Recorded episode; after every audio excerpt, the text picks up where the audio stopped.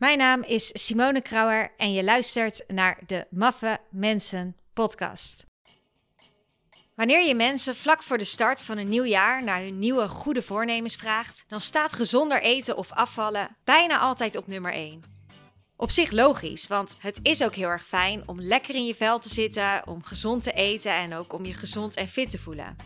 Maar als het moment daar is en we staan weer in die supermarkt, dan gooien we toch vaak weer die zak chips of die koeken in ons mandje.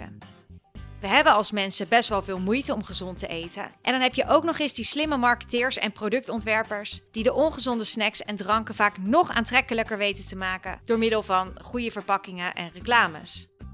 Maar hoe zit het met de makers van de gezondere voedingsmiddelen? Dus van voeding wat wat onbewerkter en voedzamer is, zoals vers groente en vers fruit.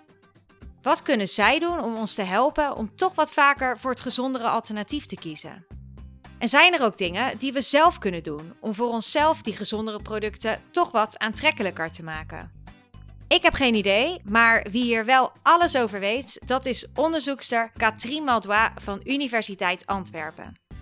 Zij is een expert op het gebied van gezondere voeding aantrekkelijker maken. En ik ga haar hierover het hemd van het lijf vragen in deze aflevering van de Maffe Mensen podcast.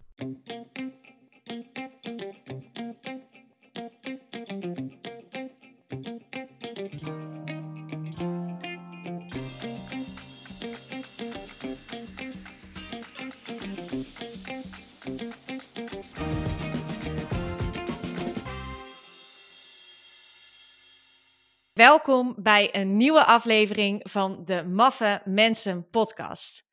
En ik zit hier vol enthousiasme achter mijn microfoon, want ik zit hier vandaag niet alleen. Of ja, eigenlijk nog wel een beetje, want dit interview is op afstand. Maar desalniettemin ben ik virtueel verbonden met een hele toffe communicatiewetenschapster.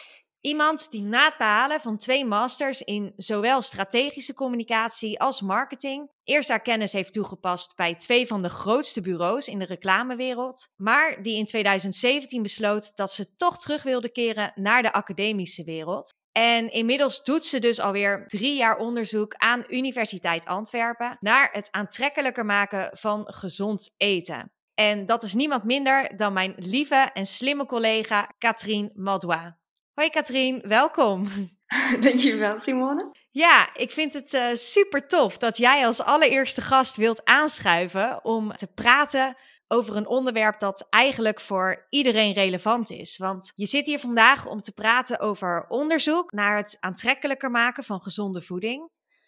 En toen ik uh, nadacht over dit interview en het feit dat ik jou uh, een keer wat dieper mocht spreken over jouw onderzoek, ja, de eerste vraag die bij mij opkwam was: hoe komt het nu eigenlijk dat wij niet van nature al wat sneller voor gezondere voedingsmiddelen kiezen? Als we, we weten rationeel dat die dingen zoveel beter zijn voor ons lichaam en ons uiteindelijk ook een veel beter gevoel geven.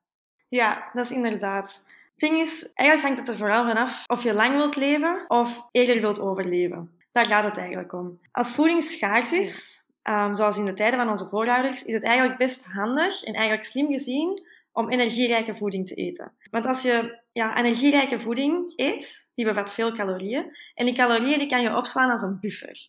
Een soort van reserves in de vorm van vet. En als er dan eens geen voeding voorhanden is, dan hoef je je eigenlijk niet meteen zorgen te maken, want je zal er niet meteen van sterven. Je hebt nog reserves. Dat doet mij trouwens ook denken aan mensen die eigenlijk redelijk arm zijn. Dat zie je ook dat die eigenlijk meer op die strategie zitten. Die eten eigenlijk puur om te eten. Ze, moeten voeding binnenkrijgen. En dan is het eigenlijk slim gezien om energierijke voeding te eten, want dan overleef je. Dus het is eigenlijk hartstikke slim van ons brein om juist te focussen op die calorierijke producten. Alleen niet als er te veel is. Ja, nu het jammer is. Ja, onze voorouders hebben in zo'n tijdperk geleefd. Die leefden in een tijd waarin de voeding dus inderdaad onzeker was. Of waarin het eigenlijk heel veel energie kostte om voeding te vinden. Je moest echt op pad gaan uh, om te jagen, om bessen te verzamelen, zeg maar. En ook al gingen ze op pad, ze wisten eigenlijk ook niet zeker of dat ze wel voeding gingen vinden. Dus ja, overleven was echt het belangrijkste. En of je nu gezond had of niet, ja, dat deed er niet toe, zolang je eigenlijk maar eten had. Het ding is, hm. onze voorouders die hebben smaakvoorkeuren ontwikkeld die eigenlijk gericht zijn om te overleven. Wij houden van voeding dat lekker hartig, zoet of vettig is, want dat is eigenlijk indicatief voor een hoog aantal calorieën. En nu nog altijd zijn die smaakvoorkeuren geprogrammeerd in ons systeem, in ons brein. Dat geeft ons onbewust meer kans op overleven. Dus dat is positief. Maar ja, in de omgeving waarin wij nu wonen, dat is een heel andere omgeving dan, dan die van onze voorouders. Voeding is nu ja, heel gemakkelijk verkrijgbaar. We moeten maar, ik moet maar hier 100 meter verder lopen en ik vind al eten, eigenlijk. Um, dus ja, dat leidt ertoe dat als eten zo gemakkelijk verkrijgbaar is en met onze voorgeprogrammeerde voorkeuren voor hartig, zoet of vettig, dat kan ertoe leiden dat we veel te veel gaan consumeren. Met ziektes zoals obesitas en diabetes tot gevolg. Dus ja, eigenlijk, ons lichaam en onze voorkeuren hebben zich nog niet aangepast aan de huidige omgeving. Ja, precies. Dus um, ons brein, vroeger hielp het ons echt om te overleven, die strategie. Uh, alleen ja, in de nieuwe omgeving is ons brein nog niet aangepast, waardoor die manier van denken juist tot een hogere sterfkans leidt, wanneer we inderdaad eraan toegeven en dus te veel eten. Ja, dat is helemaal juist. En het feit ook dat er zoveel reclame is voor ongezonde en calorierijke voeding, ja, dat helpt ook niet echt. Ja, er is echt veel reclame. Hè? Op de, als je er goed op gaat letten, inderdaad. Gisteren was ik televisie aan het kijken met deze aflevering al een beetje in mijn hoofd. En het viel me echt op hoeveel procent van die reclames uh, allemaal over voeding ging. En inderdaad, uh, bijna nooit over groente en fruit. Dus um, ja. ja, ik kan me inbeelden dat die voedingsmiddelenfabrikanten en voedingsmerken hier ook wel echt een grote rol spelen. Ja, dat klopt inderdaad. Ik heb laatst um, een, uh, een inhoudsanalyse gedaan van de reclame op tv uh, uit 2018. Mhm. En dan heb ik eens gekeken, gekeken of, ja, waar dat die voeding eigenlijk staat in de voedingsdriehoek in Vlaanderen. En eigenlijk 50% van de geadverteerde voeding behoorde tot de rode bol. Dus uh, de voeding dat je best zo min mogelijk eet. Ja, en in principe, um, dat wil niet zeggen dat die andere 50% gezonde voeding is. Hè. Dat is niet zo. Maar 50% hoorde tot de rode bol. En ik denk, maar ik ben niet zeker meer, dat dat ongeveer 25% was. Ja, dat dat voeding is dat wel tot de voedingsdriehoek behoorde, maar die was in bepaalde mate bewerkt. Dus bijvoorbeeld yoghurt, waar dat dan wel uh, suiker was aan toegevoegd. Of melk, waar dat dan weer chocolade aan was toegevoegd, dus chocolademelk. Um, echte gezonde producten, ja, die waren in de minderheid. Ja, want chocolademelk en dergelijke, dat is inderdaad ook nog niet super, uh, super gezond. Nee, dus die echte onbewerkte voeding, die kwam eigenlijk maar heel weinig terug uh, in die reclames. Ja, inderdaad. Nu, er wordt dus heel veel geld uitgegeven door die makers van uh, soms de wat minder gezonde voedingsproducten. Heb je nog meer voorbeelden uit de praktijk waarin je ziet dat die producenten op een slimme manier die ongezonde voeding ja, nog extra aan de man proberen te brengen? Ja, eigenlijk ja, door die grote blootstelling aan ongezonde voeding, um, ongezonde voedingsreclame, maar ook, dat hoeft niet enkel op tv te zijn, uh, of in tijdschriften of in de traditionele media. Sociale media kan evenzeer. Um, door die grote blootstelling aan ongezonde voeding kunnen mensen het idee krijgen dat het eten van ongezonde voeding normaal is. Um, Of eerder de norm is. Onderzoek heeft al aangetoond dat mensen die vaak aan reclame van fastfood blootgesteld worden, bij hun gezin ook vaker fastfood eten. Eigenlijk omdat zij denken dat iets zo hoort, of ja, beter gezegd, normaal is. Ander onderzoek heeft ook al aangetoond dat er wat er in de reclame getoond wordt, um, ideeën over producten kan beïnvloeden. Bijvoorbeeld dat suikerrijke sportdrank, sportdrank je beter doet aan sporten. En natuurlijk, ja, als je voor tv zit en je ziet zo heerlijke voeding op tv, um, dan, doe je dat, dan doet je dat ook zin krijgen. Niet alleen in de voeding die getoond wordt, maar ook in de andere voeding die op dat moment voorhanden is. Eigenlijk, je gaat eens kijken in de kast of in de koelkast, zeg maar, van, hm, ik heb zin. En voilà, voor je het weet heb je weer, allee, ben je weer iets lekkers en ongezond aan het eten, terwijl dat je eigenlijk net een voedzame maaltijd op had. Uh, al die voorbeelden zijn echt uh, heel erg herkenbaar, helaas. Inderdaad, ook dat zien eten doet eten. Hè? Ook al heb je zelf geen uh, McDonald's in je huis, je denkt dan wel, oeh, iets lekker, ja, lekker, iets zouts inderdaad. Of ja, super, super herkenbaar. En ja, dat, wat jij zegt, dat die norm zo um, vastgelegd wordt, dat vind ik ook wel een hele interessante. Dus inderdaad, dat je dan op televisie ziet hoe mensen een grote zak M&M's eten tijdens het kijken van een film. En dat je dat dan inderdaad als normaal gaat vinden bij het kijken van een film. En als je dan zelf een filmpje gaat opzetten, dat je dan ook zo'n grote zak M&M's erbij pakt. Of inderdaad dat je gaat sporten en dat je dan denkt, oh ja, ik ga sporten, ik moet presteren. Ja, hierbij hoort een uh, suikerrijke energiedrankje. Terwijl ja, wij dat waarschijnlijk helemaal niet nodig hebben als uh, amateur sporters. Werkt het zo een beetje? Zijn dat een beetje ja, zo goed samengevat? Ja, ik denk dat je het inderdaad wel zo...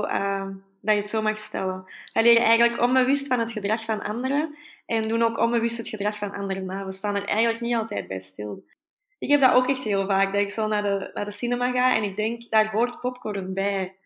Van waar dat ik ooit dat idee had. Maar voor mij, dat is echt een associatie die heel sterk is. Ja, ik heb zelf toevallig over popcorn ook een keer een onderzoek gelezen. Dat mensen die regelmatig popcorn eten in de, in de bioscoop, dat het voor die mensen eigenlijk niet eens uitmaakt of het nu hele oude popcorn is of niet. Dus ze hadden een experiment gedaan waarbij sommige mensen hele oude popcorn kregen, echt best wel vies.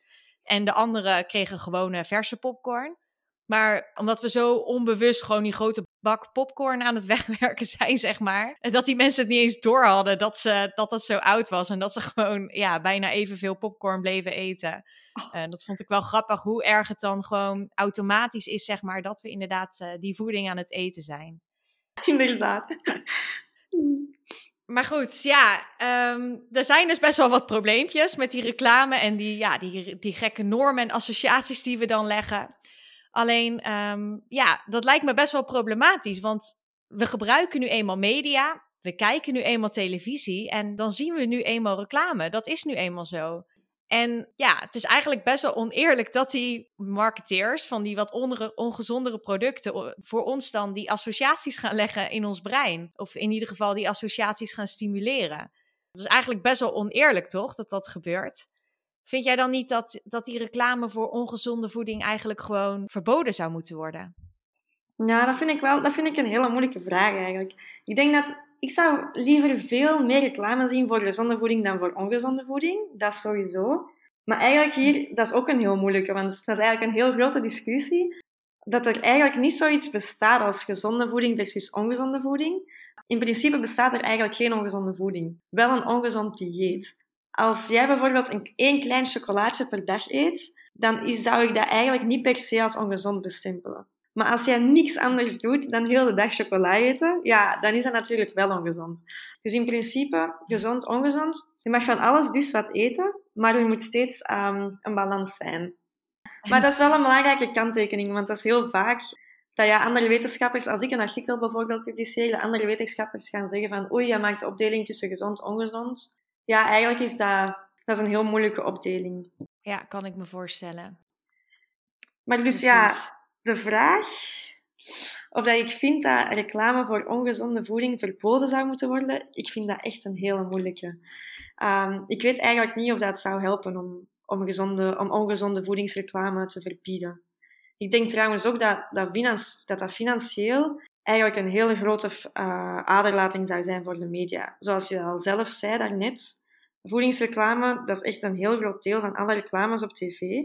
En dat is het grootste deel van inkomsten uh, voor de media. Dus moest dat weggelaten worden, denk ik dat media het financieel wel moeilijk zou kunnen krijgen. Ja, op zich het zou kunnen. Hè. Het ding is, ja, brengt het gezondheidsgewijs zoveel meer bij om het inderdaad... Ja, dat is de balans die je moet maken. Hoeveel brengt het gezondheidsgewijs bij als we, als we reclame voor ongezonde voeding verbieden? Ik weet het eigenlijk niet. Ik zou mij daar eigenlijk nog veel meer over moeten inlezen. Ja, het kan natuurlijk best wel zo zijn dat ze dan weer andere strategieën bedenken. Hè? Dat zie je natuurlijk ook bij de sigarettenfabrikanten. Die vinden wel weer um, ja, toch andere manieren om toch weer die producten aan de man te brengen. Dus, ja, um, ja, exact.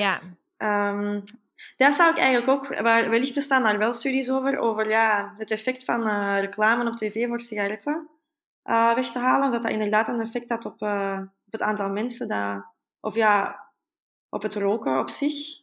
Um, ja, en hoe groot dat effect vooral is. Want ik kan me wel voorstellen dat er een effect is, maar inderdaad, hoe groot dat dan is, dat. Um, ja, dat ja, ik super interessant.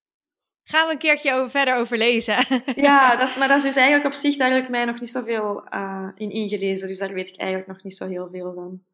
Nee, maar dat is ook logisch, want um, nou ja, even terug naar jouw uh, echte expertise, zeg maar. Uh, de co communicatie en marketing rondom gezonde voeding. Uh, ja, jij focus je dus met jouw onderzoek niet op de marketing van hè, de ongezonde voedingsmiddelen. Jij richt je echt op het aantrekkelijker maken van de ja, meest gezonde voedingsmiddelen.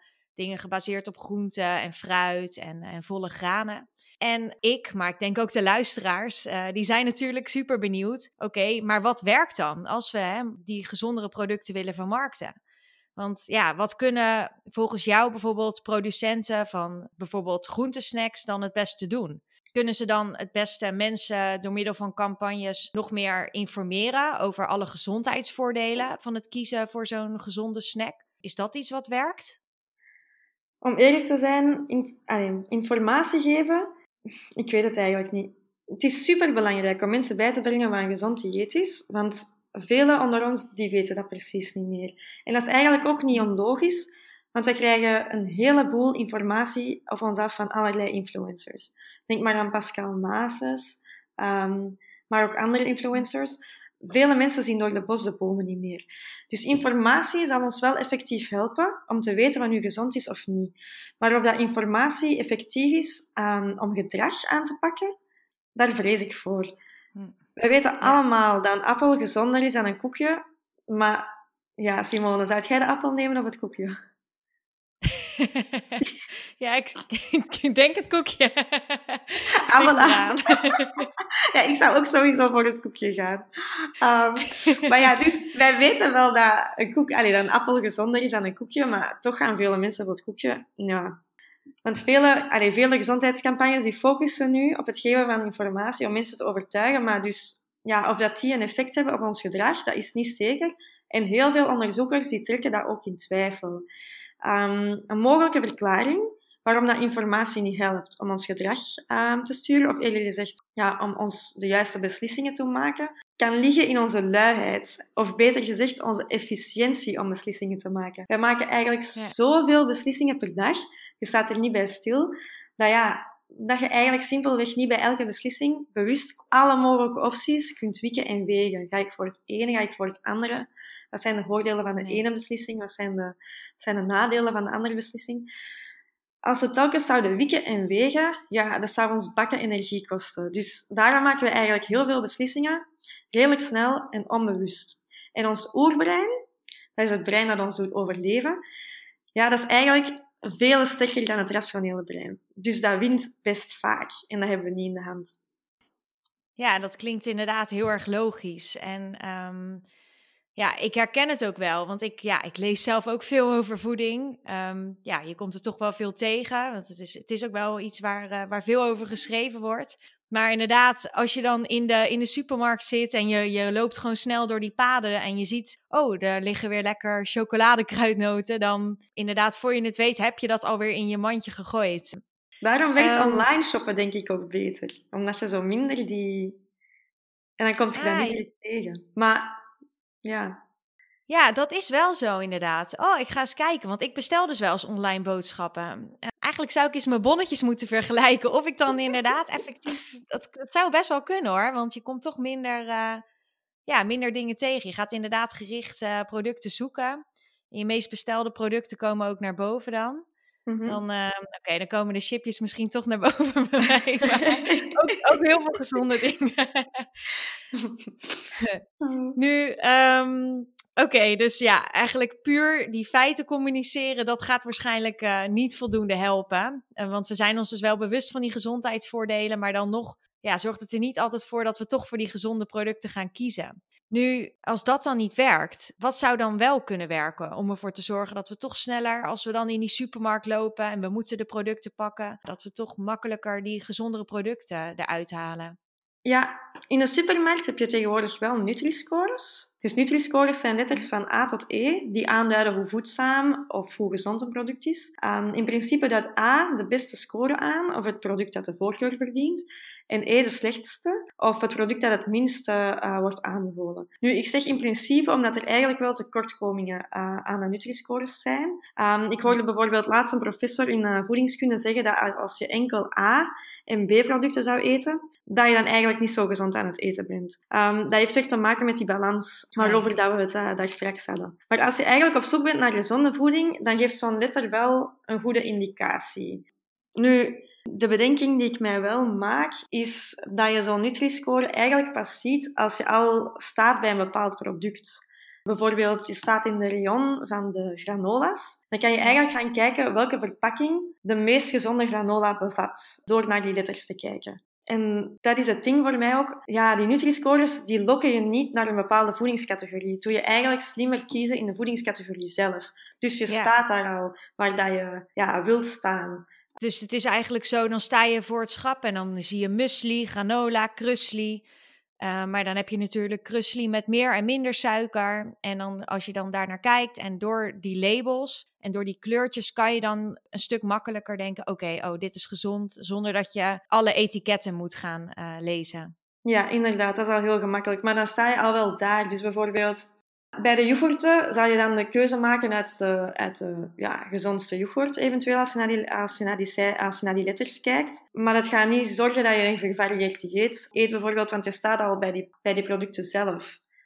Ja, dus dat helpt deels. En want dit gaat dan over de supermarkt zelf. En, en mhm. als we het dan hebben over meer reclame en campagnes. Ja, bij campagnes lijkt informatie dus inderdaad niet zo goed te werken. En dat kan dus zijn omdat ja, de meeste campagnes die, die geven ook informatie. De meeste gezondheidscampagnes die geven informatie over wat dat gezond is en wat dat niet gezond is. Ik denk wel dat mogelijk gezondheidscampagnes met een emotionelere aanpak een groter effect hebben uh, op gedrag dan gezondheidscampagnes met een rationele uh, aanpak. Ik moet wel zeggen, er moet hier nog meer onderzoek naar gebeuren. Maar uit de eerste onderzoeken, of de onderzoeken die ik toch al gelezen heb, lijkt het wel dat een emotionele aanpak potentieel heeft. Oké, een emotionele aanpak. En um, wat is dat dan precies? Wat, wat bedoel je als je uh, het hebt over een emotionele aanpak voor campagnes? Um, ja, een emotionele aanpak die speelt eigenlijk uh, meer in op de behoeftes en verlangens die wij uh, als mensen hebben. Bijvoorbeeld, ik denk dat iedereen dat wel heeft. Wij willen allemaal erbij horen. Bij de mhm. mensen die we graag zien, en als de mensen naar wie wij opkijken en bij wie dat wij willen horen een gezonde levensstijl hebben, ja, dan zijn wij wellicht ook geneigd om die gezonde levensstijl over te nemen of toch enkele aspecten uh, ervan over te nemen. Ik had laatst een onderzoek gelezen en dat vond ik wel frappant. Dat als bijvoorbeeld een persoon voor jou in een broodjesbar eruit ziet als een, eruit ziet als een competent persoon, iemand die het financieel gemaakt heeft in het leven, wel, dan ben je meer geneigd om hetzelfde te bestellen als die ene persoon. En dat vond ik eigenlijk wel heel gek. Op zich denk ik niet dat dat te maken heeft van we willen bij die persoon horen, maar op zich, we willen eigenlijk zijn zoals die persoon is. Ja, uh, we willen hetzelfde bereiken, ja, dus um, gaan wij ons hetzelfde gedragen. Dat komt eigenlijk neer zoals de influencers die nu op Instagram gevolgd worden. Ik denk dat ze ook wel een belangrijke rol kunnen spelen. Het nadeel alleen is dat sommige influencers niet echt de juiste gezond, gezondheidscom... niet echt de juiste informatie over gezondheid geven. En dat kan problematisch zijn. Dat is trouwens ook wat mijn collega's uh, bestuderen. Zij kijken nu eigenlijk na hoe dat die influencers, um, ja, zo gezegd, een gezond dieet promoten, hoe dat zij dat doen en of dat zij die, um, die communicatieaspecten ook kunnen meenemen naar echte, ja, ja, de gezondheidsinformatie die die, die van de echte experten komt. Zodat experten beter kunnen communiceren uh, over gezondheid. Oh, dat lijkt me echt uh, een supergoed initiatief. Als dat werkt inderdaad en als die influencers dan ook daaraan mee willen werken. Want dat valt mij nu wel op als je dan, uh, ja, toch ook jonge vrouwen die dan ook best wel heel goed eruit zien. Vaak ook heel slank zijn. Maar die gaan wel allemaal massaal op de foto met een hele grote stapel pannenkoeken en altijd met pizza. En ja, dus ze hebben nu wel al die voorbeeldrol in de zin van dat ze tonen wat ze aan het eten zijn. Alleen, mhm. ja, het ziet er niet altijd even gezond uit. En als ik dan zie naar hun lichaam, denk ik ook... Oké, nou ja, je, je, zal vast niet heel de dag door pannenkoeken eten. Of uh, anders heb je een hele speciale stofwisseling. Nee, en soms, soms communiceren ze ook echt een bepaald dieet. Bijvoorbeeld alleen shakes drinken. En mensen denken dan dat dat gezond is, maar dat is, nu, dat is niet altijd waar. Dus mijn collega's die de, die de communicatiestijl van de influencers uh, bestuderen, die hmm. hebben al ontdekt dat er eigenlijk dat zij heel vaak een, um, een soort van voedingsmiddel als vijand beschouwen. Dus je mag niet dit eten, je mag niet dat eten, maar dit mag je wel allemaal eten. Eigenlijk de richtlijnen voor gezonde voeding van experten, die zijn niet zo zwart-wit. Dat is eerder grijs en dat is ook moeilijk om te communiceren. Dus wellicht zit daar ook de moeilijkheid ja, en als die informatie van hun, dat is best wel veel dan inderdaad. En die influencers, die, ja, die spelen dan inderdaad meer in misschien op ons onbewuste brein en onze emoties door um, meer die voorbeeldrol uh, te tonen. Hè, van oké, ik zie er op deze manier uit en ik leef op deze manier en ik verband deze producten. waardoor we toch eh, op een irrationele manier die, die influencers gaan volgen. Ja, exact. Ja, zij tonen ook een soort van levensstijl dat vele mensen ook willen bereiken. Dus dat kan wel inspireren en dan om dat te kunnen bereiken, volg je wat dat zij ook doen. Super interessant. Jij kijkt in jouw onderzoek dus ook naar verschillende soorten campagnes. Heb jij ook die emotionele aanpak dan getest in jouw onderzoek? Of wat heb jij zelf precies onderzocht? Um, ja, inderdaad. Ik ben eigenlijk uh, mij gaan focussen op plezier. Uh, dus vorig onderzoek heeft al aangetoond dat afbeeldingen van mensen die duidelijk plezier beleven aan de consumptie van gezonde voeding, de aandacht voor deze voeding positief doet toenemen. Dus plezier kan eigenlijk gezonde voeding aantrekkelijker maken. Uh, en dat vond ik ook in mijn eigen onderzoek. Ik heb um, gekeken naar afbeeldingen waarin dat mensen gezond alleen eten, afbeeldingen waarin dat mensen samen gezond eten, met elk zijn eigen bord een eigen portie. En dan heb ik nog afbeeldingen onderzocht waarin dat mensen eigenlijk um, gezond eten delen. En delen, um, daarbij kan je denken aan bijvoorbeeld een kom van radijsjes, waarin dat, ja, iedereen er een radijsje uit kan uh, pakken, maar ook een, uh, een, kom, een grote kom fruitsla, waarin dat iedereen met een vorkje uh, fruitjes kan, kan pakken. Oh ja. Ja. Nu, ja, in de tijden van corona is dat eigenlijk een beetje problematisch, want je hebt daar eigenlijk een risico op besmetting. Um, er is oh, grote kans dat als jij um, een radijsje pakt uit die kom, dat je per ongeluk een ander radijsje aanraakt, uh, aanraakt dat uiteindelijk iemand anders ook gaat nemen. Um, dus dan heb je risico op besmetting. dus in deze tijden zou ik het gebruik van die afbeeldingen niet aanraden. Maar uit mijn onderzoek is wel gebleken dat uh, afbeeldingen van mensen die gezond eten delen, uh, meer plezier opwekken dan afbeeldingen van mensen die alleen gezond eten of samen gezond eten. En het mhm. plezier dat zo'n afbeelding uh, opwekt, heeft eigenlijk een positief effect op de aantrekkelijkheid um, van gezonde voeding. Dus afbeeldingen die plezier uitstralen, zoals afbeeldingen waarin dat mensen gezond eten delen, uh, zijn veelbelovend om gezonde voeding te promoten. Wat een super interessant onderzoek zeg. Dus ja, jij vond eigenlijk dat niet die feitjes werken, maar eigenlijk gewoon uh, ja, via een afbeelding laten zien hoe mensen echt met elkaar aan het genieten zijn van het gezonde eten. Dus echt met elkaar inderdaad. Ja, um, in plaats van uh, dat ze de bitterbal, of ja, in Nederland, de bitterballen met elkaar delen, delen ze de radijsjes met elkaar. En uh, dat plezier, dat maakt mensen enthousiast voor die gezondere producten. Ja, op zich hebben we de test ook gedaan voor ongezonde voeding. En daaruit blijkt, ja, eigenlijk ongezonde voeding, dat wekt al van zichzelf plezier op. Dus oh ja. daarbij maakt de sociale context eigenlijk niet zozeer een verschil. Dus dat maakt eigenlijk niet zoveel uit. Maar voor gezonde voeding is inderdaad, als het gedeeld wordt, wordt het uh, aantrekkelijker. Dus dat is wel interessant. En ik dacht, ik focus mij ook op afbeeldingen, omdat tegenwoordig communicatie wordt, en reclame eigenlijk wordt veel visueler. Traditionele reclame bestaat nog wel, zoals op tv en in magazines en dergelijke. Maar ja, jouw onderzoek ook, Simone. Dat gaat over reclame in eigenlijk een andere vorm. Ja. Um, en tegenwoordig ook zie je gewoon afbeeldingen op, uh, op Instagram die eigenlijk verdoken reclame zijn en waar dat er niet per se een logo bij staat of een slogan en weet ik veel. Dat is puur de afbeeldingen van een product bijvoorbeeld. En dat is eigenlijk ook reclame. Dus daarom heb ik mij puur op die afbeeldingen gefocust. Ja, nee, dat is inderdaad, dat is zo'n groot deel aan het worden. Dus inderdaad, dat is super relevant en interessant dat je dan dat er juist uithaalt. Want inderdaad, op Instagram, ja, lijkt het mij heel interessant voor die uh, producenten van bijvoorbeeld inderdaad uh, snoeptomaatjes. Om te weten dat je beter een afbeelding kan doen van hoe mensen uh, ja, met elkaar aan het genieten zijn van die snoeptomaatjes. Dan dat mhm. je een snoeptomaatje toont met een paar feiten erbij van kijk, snoeptomaten bevatten vitamine dit en vitamine dat. Dus ja, dat is zeker iets wat, wat meteen ook toepasbaar is. Juist met al deze nieuwe reclamevormen, die inderdaad heel erg uh, visueel ingesteld zijn. Mm inderdaad. Dus, um, ja, super interessant. Ik nu, eigenlijk ook um, nog ehm, tot het inzicht dat bijvoorbeeld um, ja, gezond eten. Ik denk, mensen willen wel gezond eten, maar eigenlijk willen zij gezond eten omwille van een andere reden. En waarom willen wij gezond zijn? Ik vind dat wel belangrijk om gezond te zijn, maar eigenlijk is voor mij ja, gezond zijn belangrijk zodat ik lang kan leven en dat ik mijn kleinkinderen kan zien opgroeien. Dus dat is het emotionele dat daaronder zit. Wij willen wel gezond zijn, maar daar ligt iets, ja, iets veel dieper onder dan puur het gezond zijn op zich. En daarom denk ik ook dat campagnes die een emotionelere aanpak hebben, beter werken dan de rationele aanpak. Want die emotionele aanpak die gaat veel dieper tot in de kern van wat dat we echt willen, wat dat we ja, echt verlangen, dan die informationele campagnes. Ja, en dat is dan bijvoorbeeld inderdaad het plezier hebben met elkaar. Dat is iets, eh, als we die link leggen met dan samen gezond eten delen. Dat is dan iets wat we onbewust ja, eigenlijk ook heel erg belangrijk vinden. Maar als je er heel rationeel naar kijkt, dat dat dan niet meteen naar boven komt. Ja, ehm, inderdaad. Dus dan is het goed inderdaad dat jij hier onderzoek naar doet.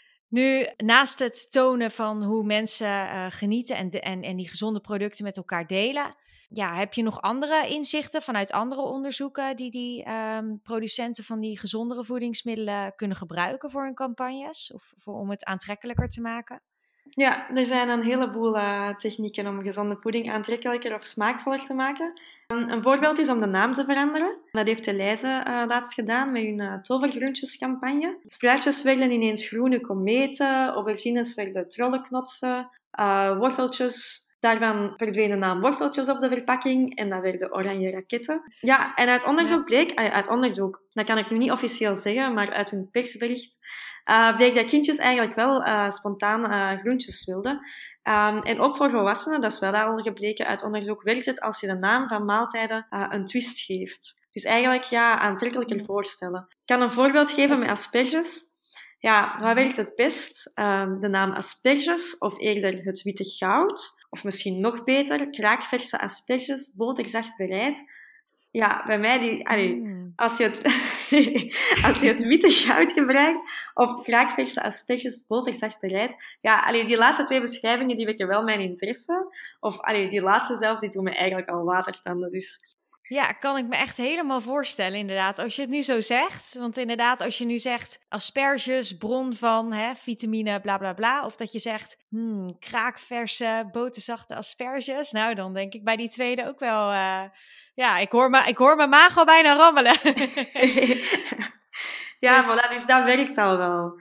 En dan zijn er nog factoren die de smaakperceptie van een gerecht kunnen beïnvloeden. Um, en dat geldt voor ongezonde voeding, maar ook zeker voor gezonde voeding. Bijvoorbeeld mooi geschikte uh, bordjes, um, zoals op een chic restaurant. Ja, het bord dat je daar krijgt, dat gaan mensen ook als smaakvoller beschouwen dan wanneer alle ingrediënten simpelweg bij elkaar gegooid zijn. Dus groenten en fruit mooi presenteren, dat beïnvloedt ook positief de smaakperceptie. En ook kleur kan goed werken. Uh, we willen liever een bord met meer kleur dan een bord met weinig kleur. En dat is eigenlijk heel, ja, heel positief voor groentjes en fruit, want die hebben net die mooie kleuren. Dus dat biedt, uh, dat biedt wel potentieel. Ja, precies. Dus echt, uh, eigenlijk zouden die supermarkten of misschien die producenten van die verschillende groenten en fruitproducten ook echt met elkaar moeten samenwerken. Dat ja, de juiste kleuren bij elkaar liggen en dat het er inderdaad super aantrekkelijk uitziet. Bijna als een, uh, een soort uh, snoepjeswinkel in hoe ze het sorteren. In plaats van dat ze gewoon een beetje kratten uh, random naast elkaar zetten. En weet jij ook voedingsmiddelenproducenten die ja, deze onderzoeksinzichten ook op een bepaalde manier in hun eigen campagnes toepassen? Ja, het voorbeeld van de lijst dat ik dus net heb besproken, oh eh, met die tovergroentjescampagne. En dan is er ook nog een ander voorbeeld, um, is eigenlijk de Instagram-pagina van Zespri. Die moet je sowieso eens bekijken, want dat is echt heel tof. Um, die tonen eigenlijk hun product, de kiwi, vaak in een ongezonde vorm.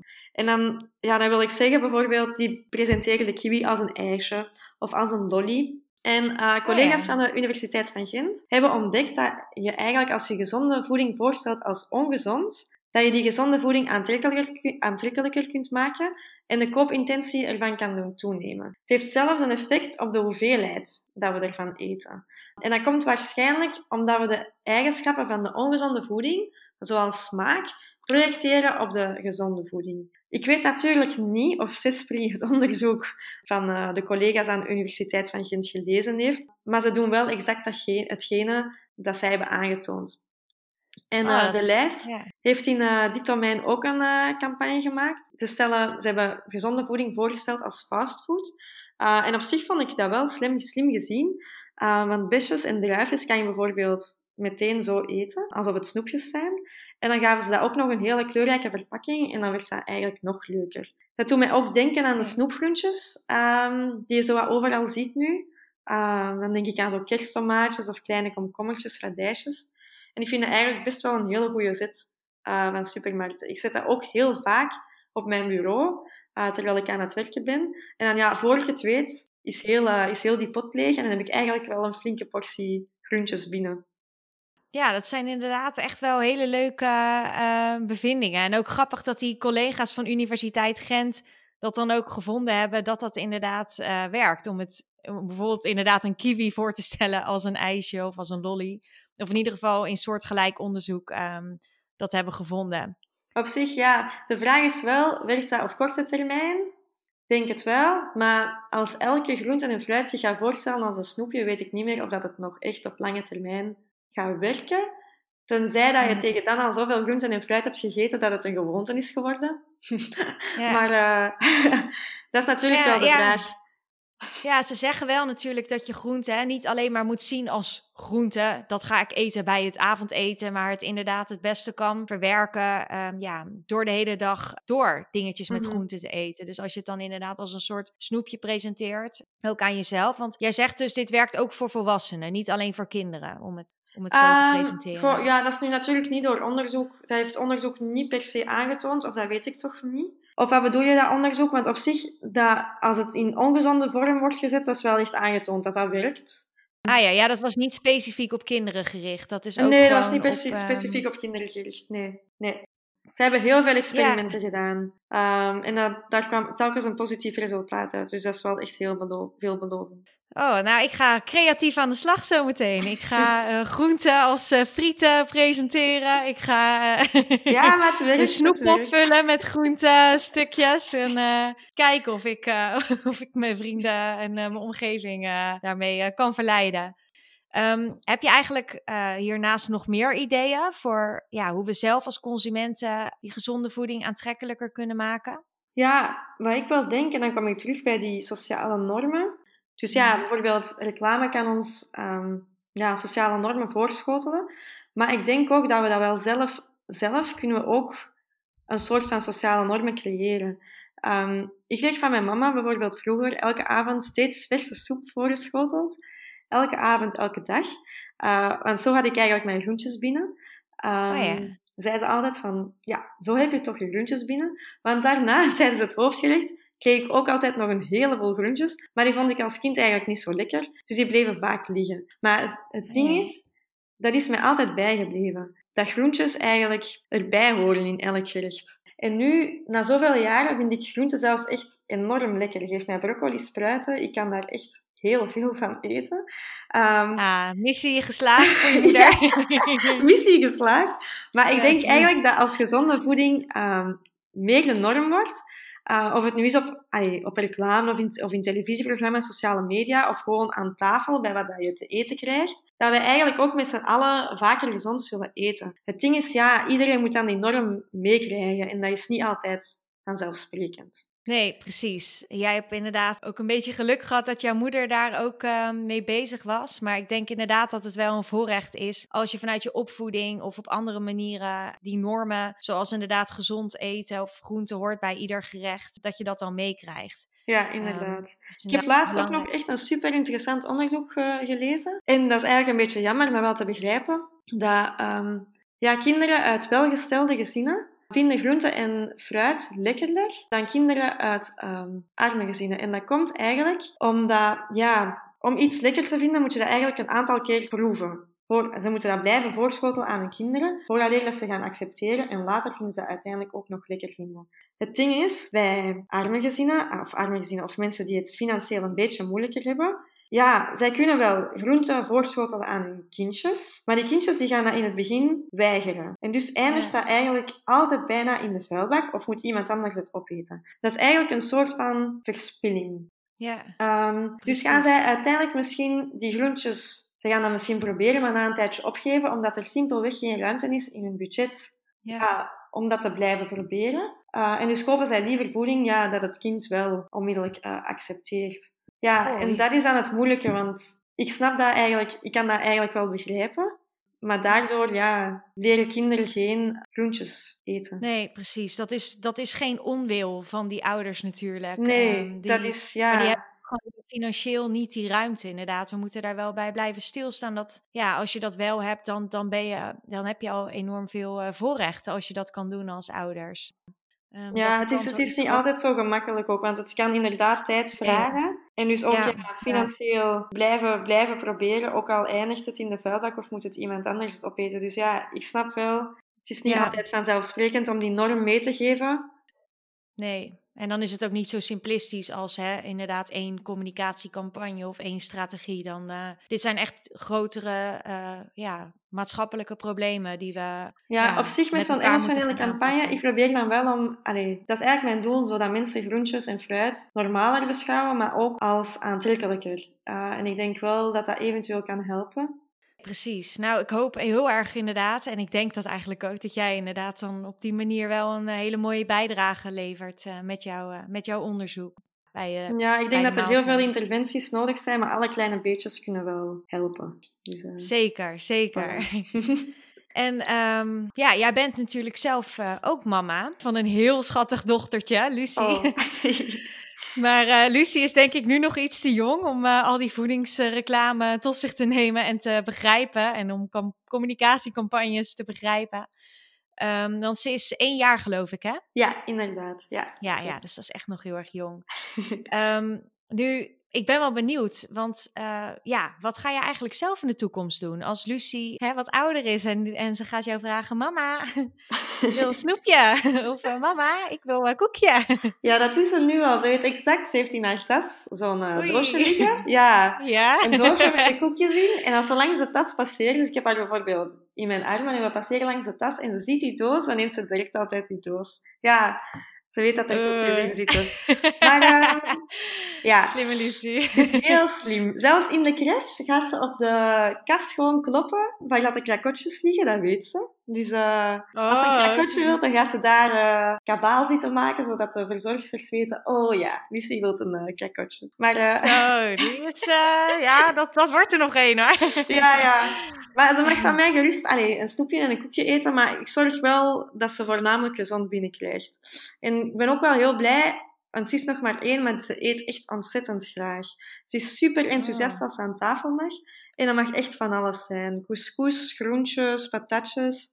Uh, manchego-kaas vindt ze heel lekker. Yoghurt, garnaatjes. En van mij mag ze alles eten. Behalve als het niet goed is voor haar, uh, zoals koffie en alcohol bijvoorbeeld. Oh ja, alcohol. Ja. alcohol lijkt me slim inderdaad. Omdat, uh... Ja, maar zelfs dat, want dat heb je dan in je, in je, in je hand. En dan wil ze, ja, dan wil ze ook proeven. Dus, uh... Maar van die dingen, ik heb haar wel eens koffie laten proeven en ze was precies toch niet zo enthousiast. Dus dan weet ze dat ook al. Oké, dat is niet lekker. Maar ja. voilà. Ja, en als zij het niet opeet van wat dat ze krijgt, ja, dan eet ik dat meestal wel op. En eigenlijk, als ik haar eten geef, dan pak ik meestal ook wel wat hapjes van haar tussendoor. Want ik vind het eigenlijk echt wel super lekkere papjes. Maar um, ja, dus wij, wij delen eten meestal en dan maakt het wel leuk. Um, ja, volgens je eigen onderzoek ook, hè? Ja, ja, ja, voilà. Ja. ja. ja, en het andere onderzoek heeft het ook aangetoond. Dat mensen die eigenlijk plezier beleven aan voeding, in het algemeen, dus uh, niet, al, niet alleen aan ongezonde voeding, maar ja, plezier aan voeding op zich, koken, maken, eten, die, uh, die eten ook gezonder. Ja, en dat wil ik ook wel aan haar meegeven, dat eten eigenlijk leuk is. Of het nu gezond is of ongezond. En het maken ervan, dat dat ook leuk is. Nu merk ik wel, Lucie begint zo wel wat voorkeuren te krijgen. Bijvoorbeeld al voor fruit, ze vindt banaan en peer heel lekker. Maar, uh, en van framboosjes was ze vroeger ook echt heel hard fan. Maar framboosjes zijn zo dikwijls zuur nu. En hmm. kiwi ook. En dan moet ze eigenlijk al plotseling veel minder hebben. Dus ja, ik denk nu, met die, nu dat ze voorkeuren begint te ontwikkelen, gaat het niet altijd zo gemakkelijk zijn. Maar ik ga er wel um, ja, groentjes en fruit blijven voorschotelen. Eigenlijk exact zoals mijn mama dat deed. Ja, precies. Zo van het hoort erbij. En, um, en dus inderdaad zelf heel veel uh, ja, hapjes mee eten en genieten. Laten zien hoe je geniet. In plaats van uh, boos te worden en zeggen het moet. Maar meer van, oké, jij wil het niet, Lucie? Nou, dan uh, eet mama toch lekker. ja, voilà, exact. ja. ja, dat lijkt mij wel een hele gezonde mm, opvoedingsstrategie. Ik ga vast van jou leren, voor uh, mocht ik zelf ooit... ja, pas op, ik hoop dat het goed blijft gaan, hè, want je kunt dat eigenlijk niet, niet inschatten. Maar momenteel gaat het, ze eet echt heel goed. Ze, is, uh, ze wordt zelfs ja. expres naast kindjes gezet die minder goed eet, zodat zij, Lucie, ga nadenken. Kijk, eigenlijk. het is gewoon een influencer. Wat goed.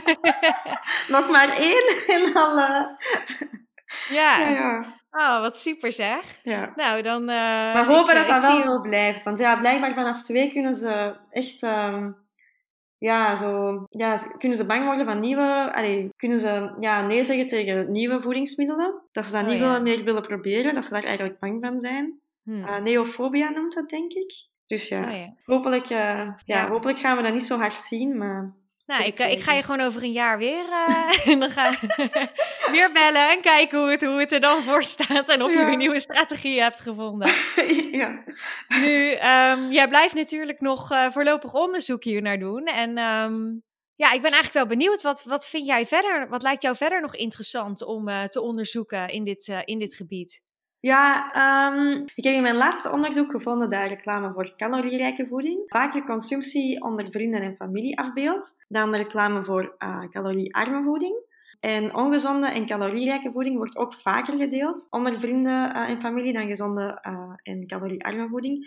Dan kan je weer denken aan bijvoorbeeld samen eten uit een eh, kom gesuikerde popcorn. Of een Ah, koekje in twee breken en het aan iemand anders geven. Ehm, en dan vonden we ook dat ehm, reclame voor gezonde en caloriearme voeding, dat die vaker individuele consumptie tonen dan reclame voor ongezonde en calorierijke voeding. En eigenlijk, ja, Oh, ja. zo'n portrettering kan eigenlijk leiden tot, die, tot het idee dat ongezonde en calorierijke voeding beter geschikt is om samen onder vrienden en familie te eten dan gezonde en caloriearme voeding. En dat lijkt me eigenlijk wel problematisch. Want ja, zeker als je weet dat we graag onder familie en vrienden eten en dat op zich ook best vaak doen, ja, er mag ook gezond gegeten worden onder familie en vrienden. Ja, Maar ja, je ziet inderdaad vaak, het zijn ook natuurlijk van die fijne dingen om te delen inderdaad, zoals popcorn of ehm, kom ik weer met mijn bitterbal.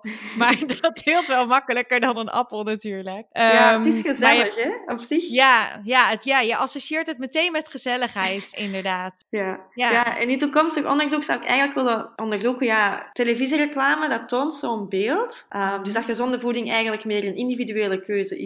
En ja, calorierijke en ongezonde voeding eigenlijk meer om sociaal te consumeren. Maar eigenlijk weten wij niet of dat mensen ook echt dit idee hebben. Allee, het wordt zowel voorgesteld in reclame, maar ja, hebben mensen ook echt dat idee? Ja, dat moet ik eigenlijk nog verder onderzoeken. Dus ik denk dat Ja. dat mijn volgende onderzoek gaat worden. En ja, ik ga natuurlijk ook nog altijd op zoek gaan naar strategieën eh, om gezonde voeding aantrekkelijker te maken. Oh, nou, dat, is, eh, dat klinkt als eh, super interessant. Nu ga ik je zeker eh, over een jaartje weer bellen. Ja, als Maar, mensen ehm, trouwens nog andere ideeën hebben om te onderzoeken, dat is ook altijd welkom. Hè? Leuk, ja. Juist goed inderdaad om die vragen vanuit de praktijk ook te beantwoorden.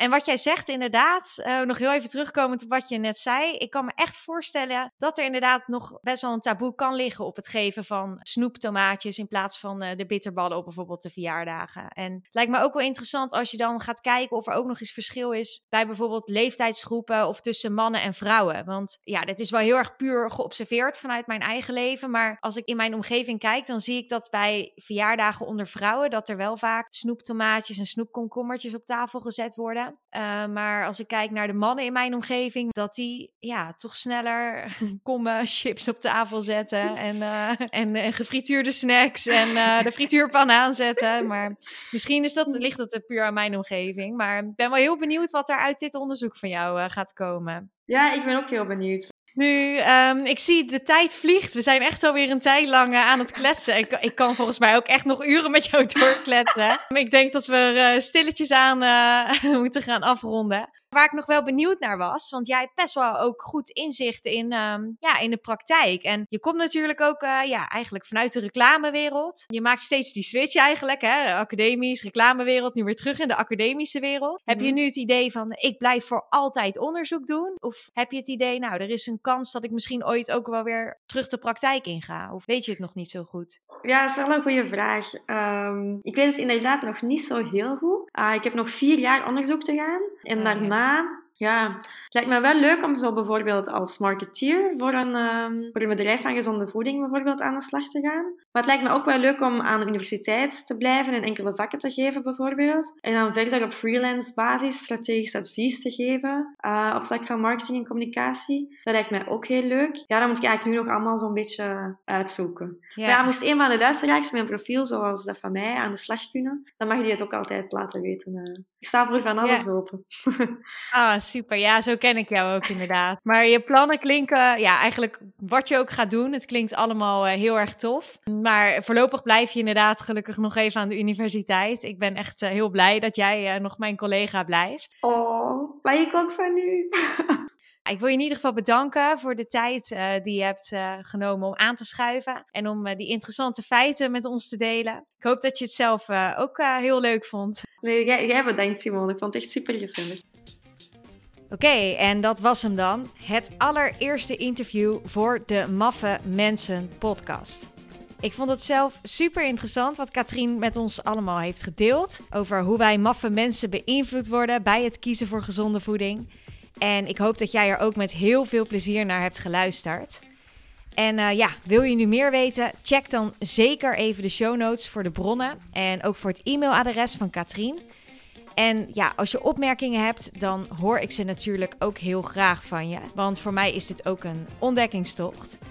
En als laatste, mocht je de volgende aflevering niet willen missen, vergeet dan zeker niet om je te abonneren in de podcast-app waarin je luistert. En voor nu, geniet van je dag of avond en heel graag tot de volgende aflevering.